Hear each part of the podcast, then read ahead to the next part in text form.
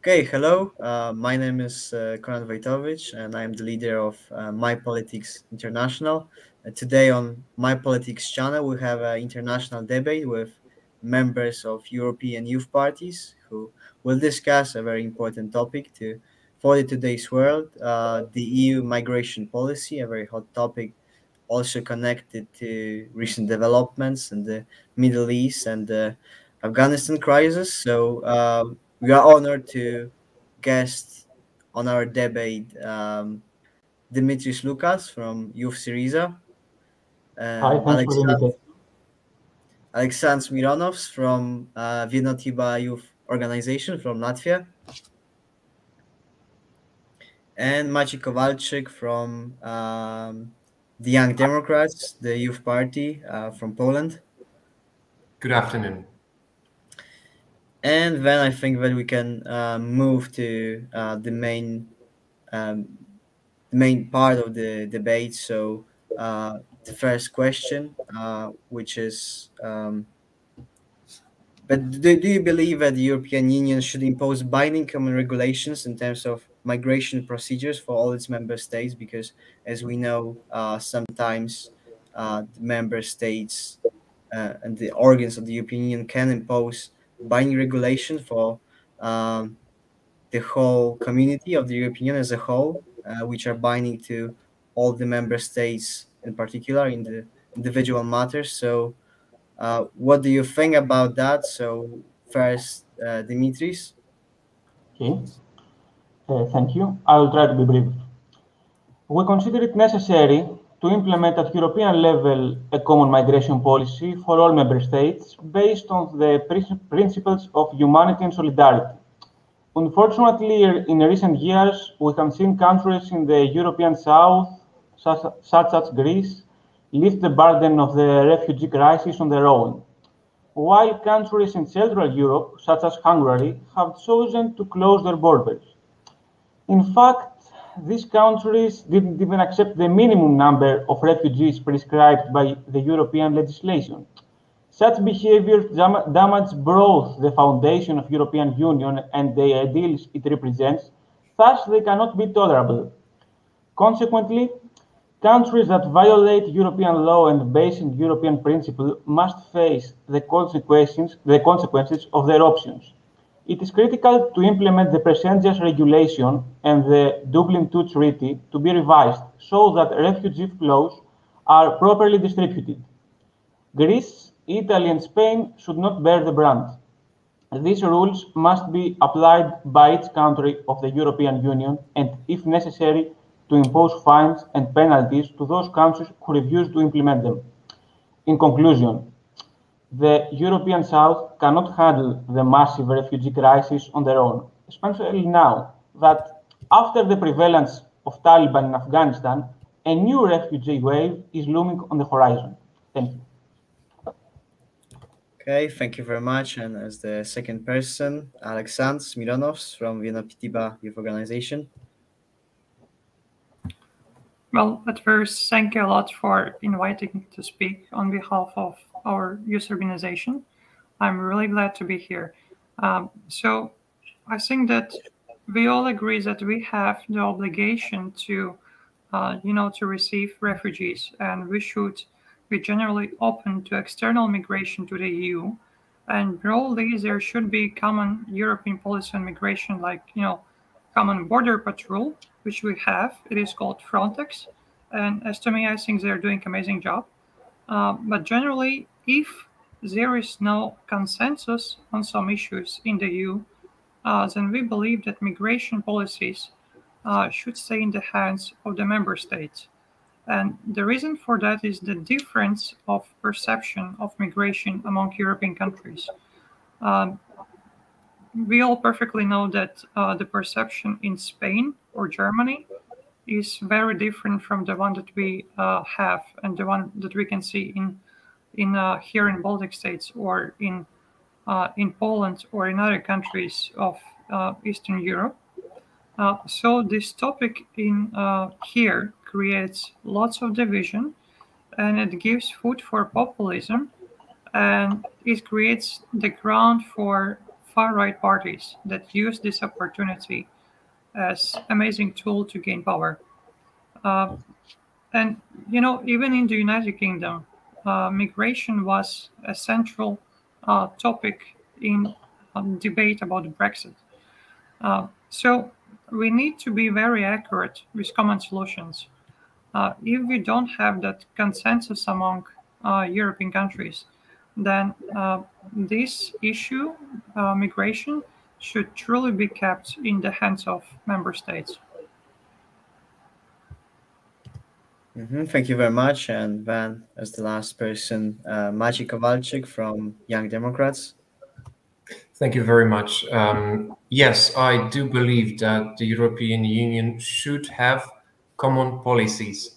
And um, let me stress it, not binding regulations, but common policies.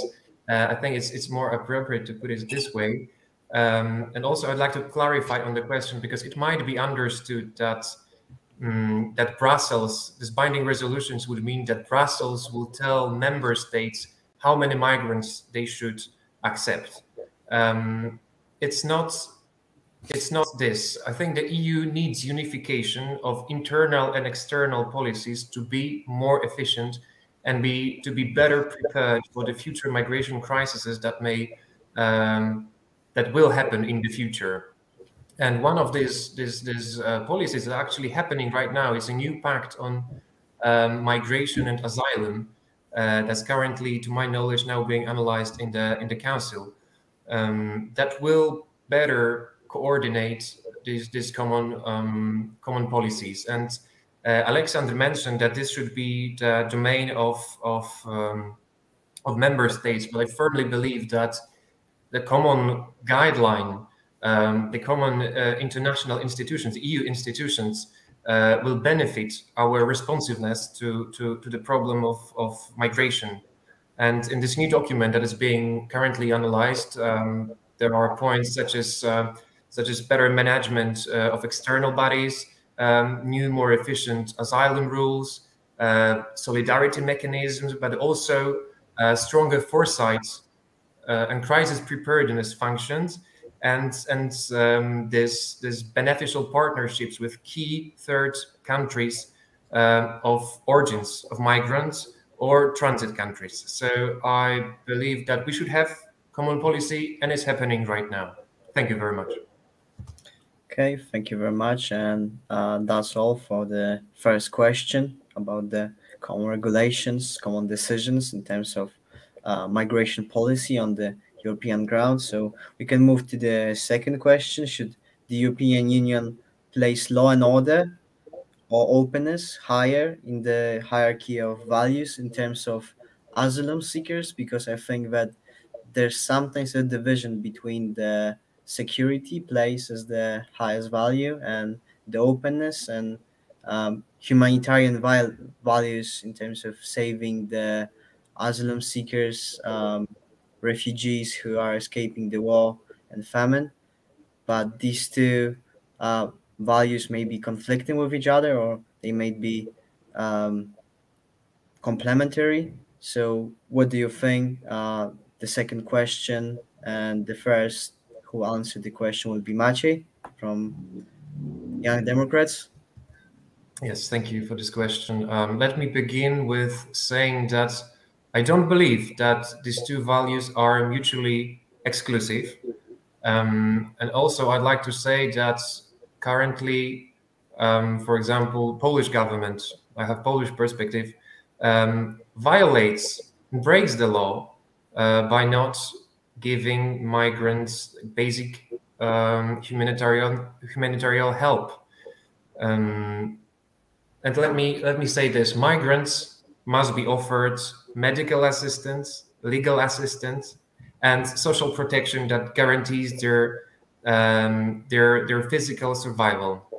We are, as Europe, as as a culture of Western culture, is a member of of community of values such as Declaration of Human Rights, uh, Convention regarding status of refugees, and even in Treaty on Functioning of the European Union, um, those values are are stressed, and we should abide to them. We should we shouldn't break these rules. Um, Europe is based on humanitarian principle, uh, thanks to which our region uh, enjoys uh, 80 years of, of, of, relative peace and, and, and prosperity. So uh, we have borders. Borders are there for, for a certain reason. Uh, but these two things are not mutually uh, mutually exclusive. We can be efficient in, in protecting our borders, but we have to be efficient in in um, securing uh, lives of, of migrants. Thank you. Thank you very much. And as the second speaker, Aleksandrs Mironovs from uh, Vienotiba Youth Organization from Latvia. Yeah, it's actually actually a very actual topic, not just in Europe but also in the United States. And you know, if we take uh, the the uh, experience of United States and say, uh, truly, no matter which president they have, uh, a Democrat or Republican, it's kind of consensus that uh, the order and, and the law is kind of higher than uh, the openness of the border. And I think that's probably uh, the good approach to that issue because uh, one thing that we need to understand very clearly is that migration should be legal and uh, we should be very we should be very open for it if it is legal. Uh, because there's a process that uh, everyone who wants to you know live in Europe or stay in Europe uh, to go through. And illegal immigration breaks uh, the law and violates the ID external border. Uh, so for many of us here in Latvia, it is just not, not acceptable. Uh, we can't allow just anyone to come in. There's need for the process, the border checks, to simply know uh, who is actually coming to Europe, who is here in Europe, uh, because otherwise it's like leaving the doors uh, from your home open uh, and you never know who's gonna come in so it's um, not a smart thing to do leaving the doors open to anybody uh, so i would say that the law is uh, well if, if we put the question so sharply like what is the most preferable i would say that the law is more important uh, in this sense than the politics of open doors.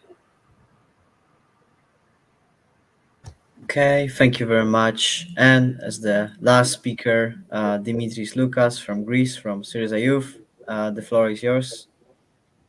Thank you for the question. Okay, I think that Europe must not let the ghost of her past haunt her again. Again, Europe is at a crossroads and has been there for some time. One could even say that a spectre is haunting Europe, a spectre of several fears of Islam, migration waves, of extreme populism and nationalism, xenophobia, authoritarian governments, and so on. The strong wave of fear and uncertainty and the austerity policy implemented in many European states have propelled new nationalist and xenophobic parties who are using people's pre- uh, fears and prejudices and their intolerance of anything foreign and unknown in their quest for power. Unfortunately, in the recent years, authoritarian governments found fertile soil even inside the European Union. So, we strongly believe that the European Union has to be reminded of its original values by showing solidarity to the asylum seekers. Defending them, Europe will not commit suicide, as some politicians like Viktor Orban claim, claim but on the contrary, it will become stronger, more consistent, and authentic. Europe has to acknowledge the tumors inside its own continent. It has to reject xenophobia, arrogance, extreme nationalism, elit- elitism, and the selfishness of those in power. In fact, I believe that financing an enlightenment campaign, financing an enlightenment campaign in the European Union, not only against this phenomena, but also in favor of the principles of solidarity, democracy, tolerance, tolerance, and multiculturalism will not go amiss. Thank you very much. Thank you very much. And also I concluded our uh, second question. Uh, thank you very much for your contribution. So the third important issue um, is the uh, decision making in the organs of European Union. As we know, uh, there are different organs such as uh, the European Parliament, the European Commission, and the uh, Council of the European Union, which are making very important decisions for different aspects of the uh, of the life of the European Union. For example, migration policy. So um, my question is: Should the European Union decide on the migration policy anonymously? So should the countries vote, and the decisions should be anonymous, or should they decide on matters of the migration policy by qualified ma- majority vo- voting, so they can outvote uh, the given countries? And the first will be Maciej from Young Democrats. Uh, the floor is yours. Thank you for the question. Um, currently, as I mentioned in the previous question, um, there is a new pact on migration and asylum um, being discussed in the EU. It was in the Commission, now it's in the Council, and um, I'd like you to to to realize that this has been happening. That, that this act, this legislation, has been being was is being created for many years now, and in situations like this, uh, the European Union, the Council, um, always tries to have this uh, unanimity, even if it is not required by uh, by, by the treaties. Um, it's always a good manner that those these large decisions regarding security are, uh, voted unanimously.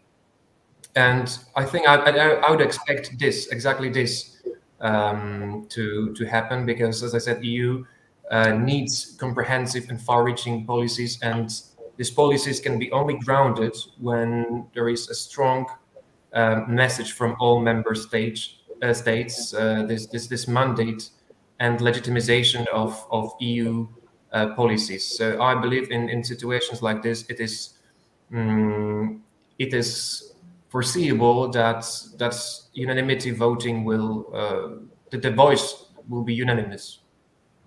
Thank you. Thank you very much. And the second speaker, Dimitris from Greece, from um, The floor is yours. Thank you very much for the question. Okay, at the height of the so-called migration crisis, the European Commission, backed by the Council and the European Parliament, decided to relocate asylum seekers from the overburdened asylum systems in Greece and Italy to other member states.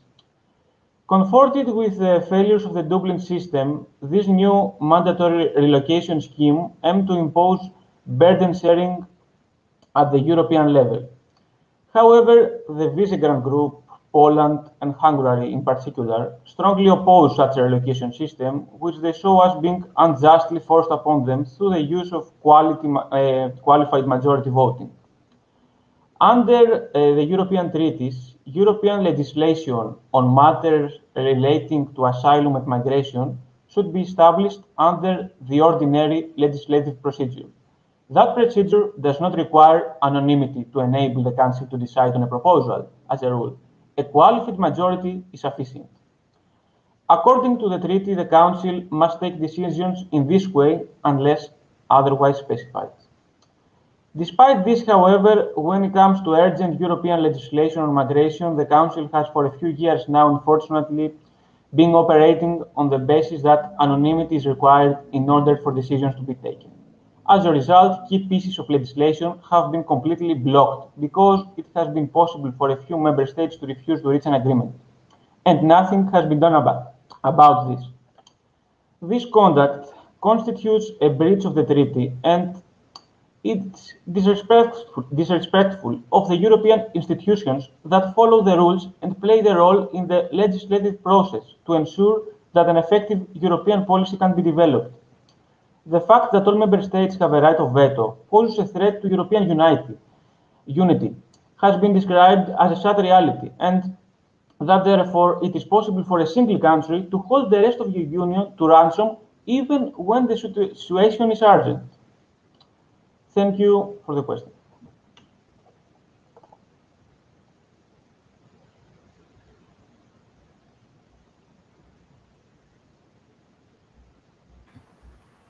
Um, yeah, so European Union uh, actually have, you know, the countries that are in uh, Schengen area, uh, European Union members who are in Schengen area, we basically have the same border.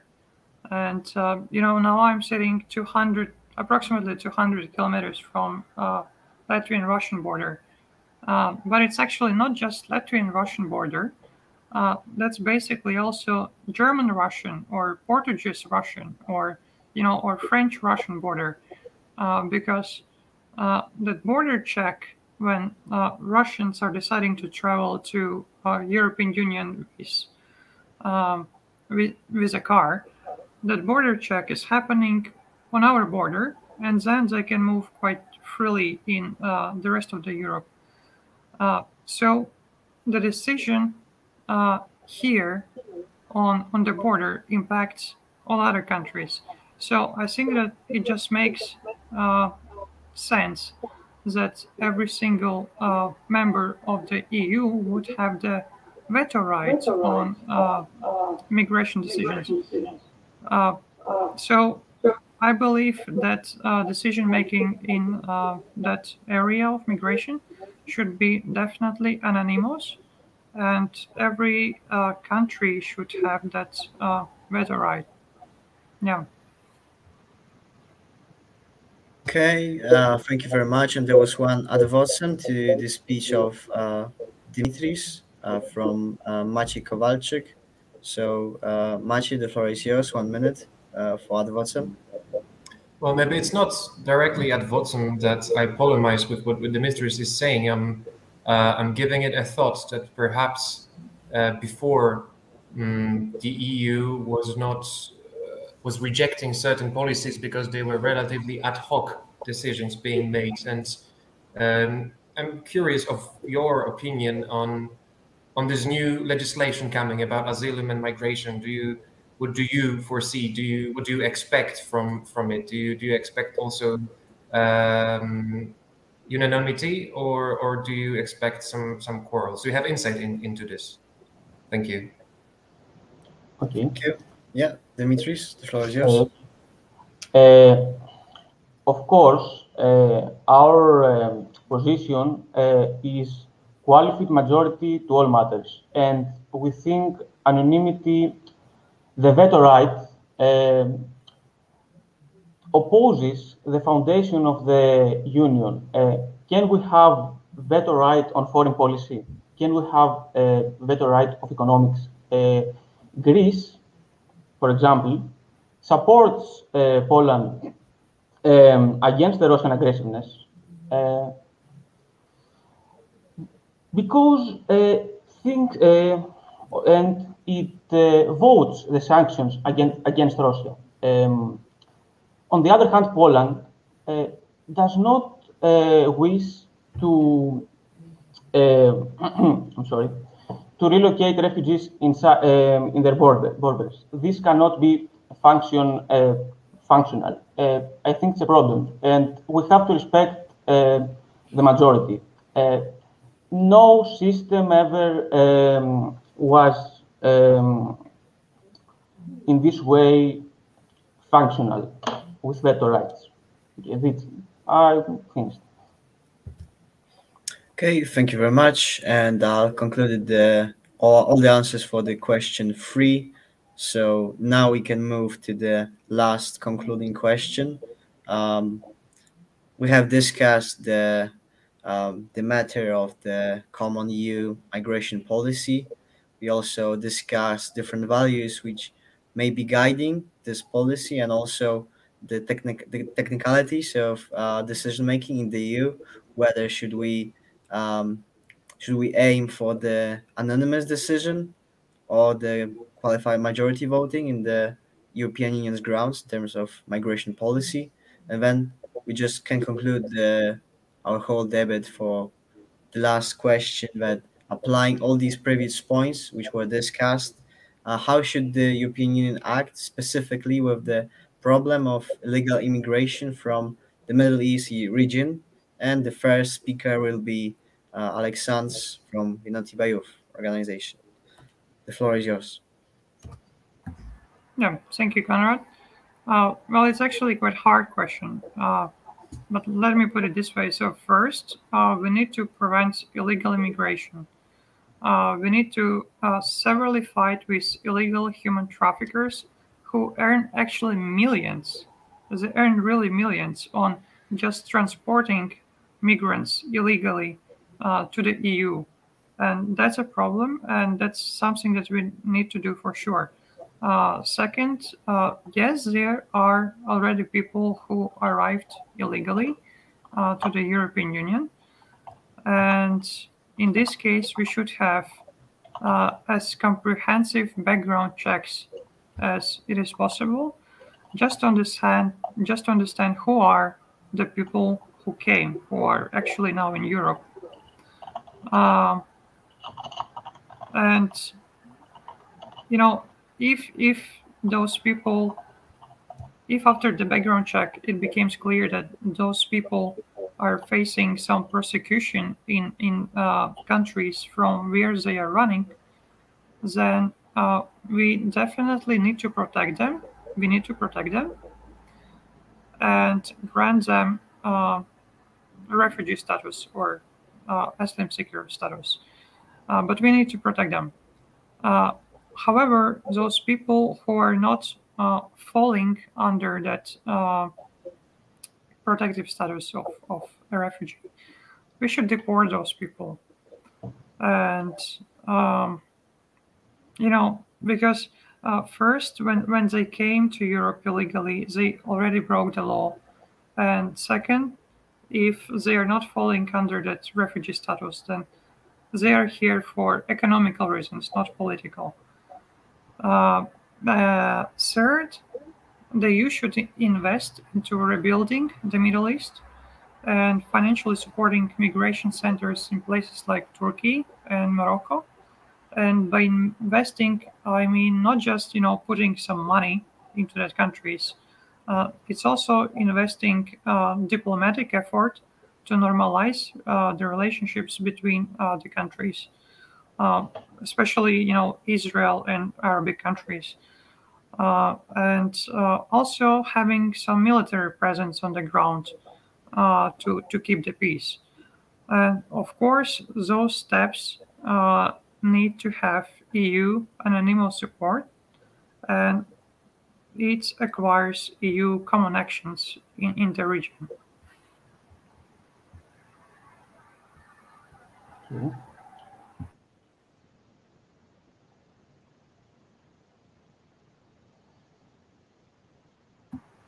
You are muted. Oh, sorry. Uh, I didn't know, not notice that. Yes, uh, I, I wanted to say that the second speaker is, of course, uh, Dimitris from uh, Syriza Youth. Uh, the floor is yours. Okay. Uh, Alexandros was right. It's a difficult question. I think primarily we must examine the causes behind the migration crisis from the Middle East. NATO military interventions in Libya, Syria, Iraq have further destabilized these countries and damaged their economies. Thus, poverty and political instability triggered the largest refugee crisis since World War II.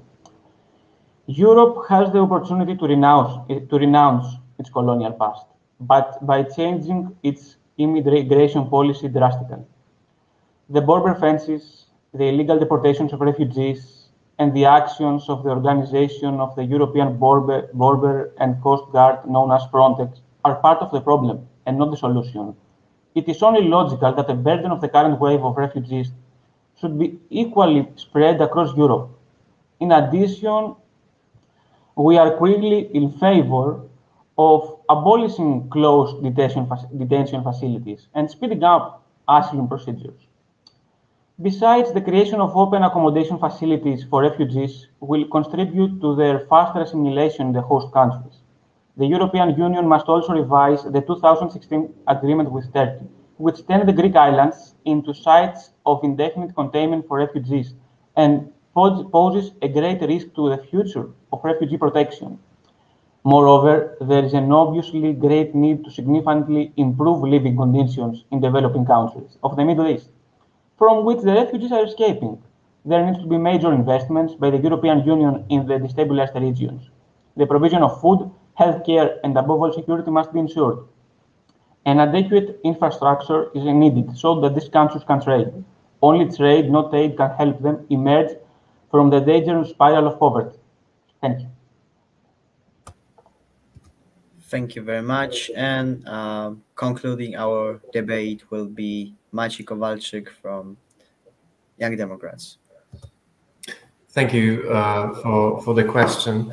Um, I believe that the European Union should look at at events such as uh, Middle East region and and this migration coming from the region um, in a larger um, perspective and try to identify the causes, as my colleagues said uh, before. So this this foresight function has to be uh, has to be stressed more profoundly, and um, we should think what to do to, pre- to prevent such events um, from happening.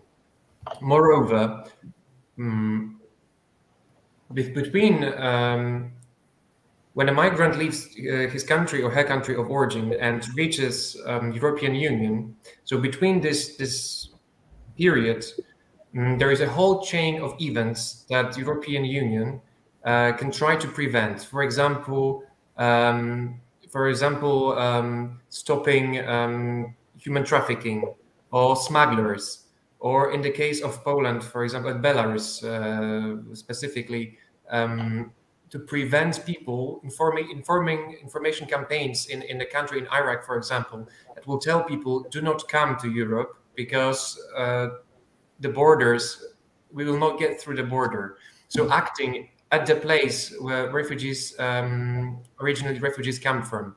Um, apart from this, um, political actions such as EU and Baltic states going to Iraq and trying to convince and successfully convincing airlines to stop their flights to Belarus, for example. So all these actions can significantly, like I believe, significantly lower the amount of um, of people getting at the border, uh, because people at the border, this is the the, the final the final end end of this of this this migration change and we uh, chain chain and we should break um, this this chain. And also, I want to say one more thing that in 2020 there were 80 million migrants globally. In the upcoming years and decades, there will be hundreds of millions migrants because of the climate change. And we, as the European Union, and we as a as a humankind, we must create rules, binding rules, uh, that will be um, that will be implemented globally because we have to have an answer. We have to prepare a strategy for this um, because this migration, this huge migration, will uh, will happen. People will travel in need for for uh, water uh, because of the desertification and and um, mm, and global warming and rising temperatures. Thank you. Thank you very much. And uh, Dimitris uh, has uh, advanced to the Maciej speech. Uh, yeah, Dimitris, the, the floor is yours. Okay. Uh, first of all, I must say I totally agree about the uh, for the prosecution of human traffickers. We have, I am fully with this. But my question is other. What about the 2016 agreement of Europe with Turkey. Uh, what's his opinion about this? Does it help solve the situation? Because I don't know if you know, uh, in 2019, Erdogan, Erdogan government used the refugees as a bargain and pressed them into, into the Greece border, into the fences. This, create, this create, uh, created a massive humanitarian crisis on Evros and many far leftists on both sides went to attack the refugees. Is this uh, image good for the European values? Uh, can we uh, accept the conditions of um, Turkey, uh, Turkey's uh, detention centers for refugees? Can, you can, can we fund these centers? Thank you Thank you very much. And Maciej, the floor is yours to respond to Dimitris. Yes, thank you. Thank you for this question.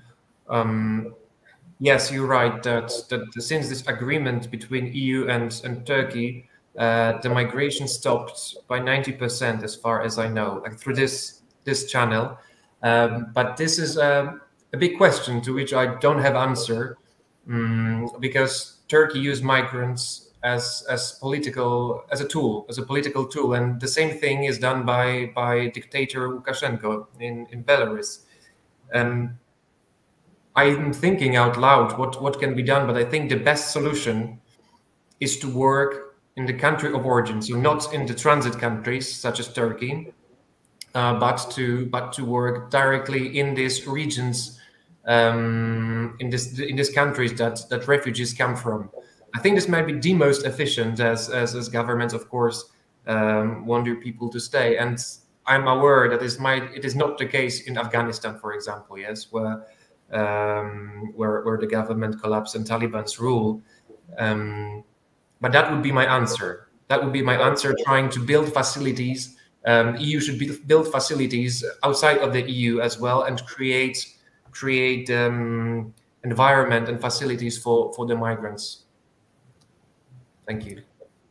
Thank you very much. And that concludes our whole debate today. We have briefly discussed the EU migration policy from uh, different aspects, from the EU legislative procedure, from um, the values which may be guiding the EU migration policy, and also how should we tackle specifically the problem of the illegal migration from the Middle East region finally so uh, thank you very much for your participation. And our guests were Maciej Kowalczyk from Young Democrats from Poland. Thank you very much. Have a good evening. Uh, Dimitris Loukas from Syriza from Greece. Thank you very much. Good evening. And Aleksandrs Mironovs from Vienotiba Youth Organization. Thanks a lot.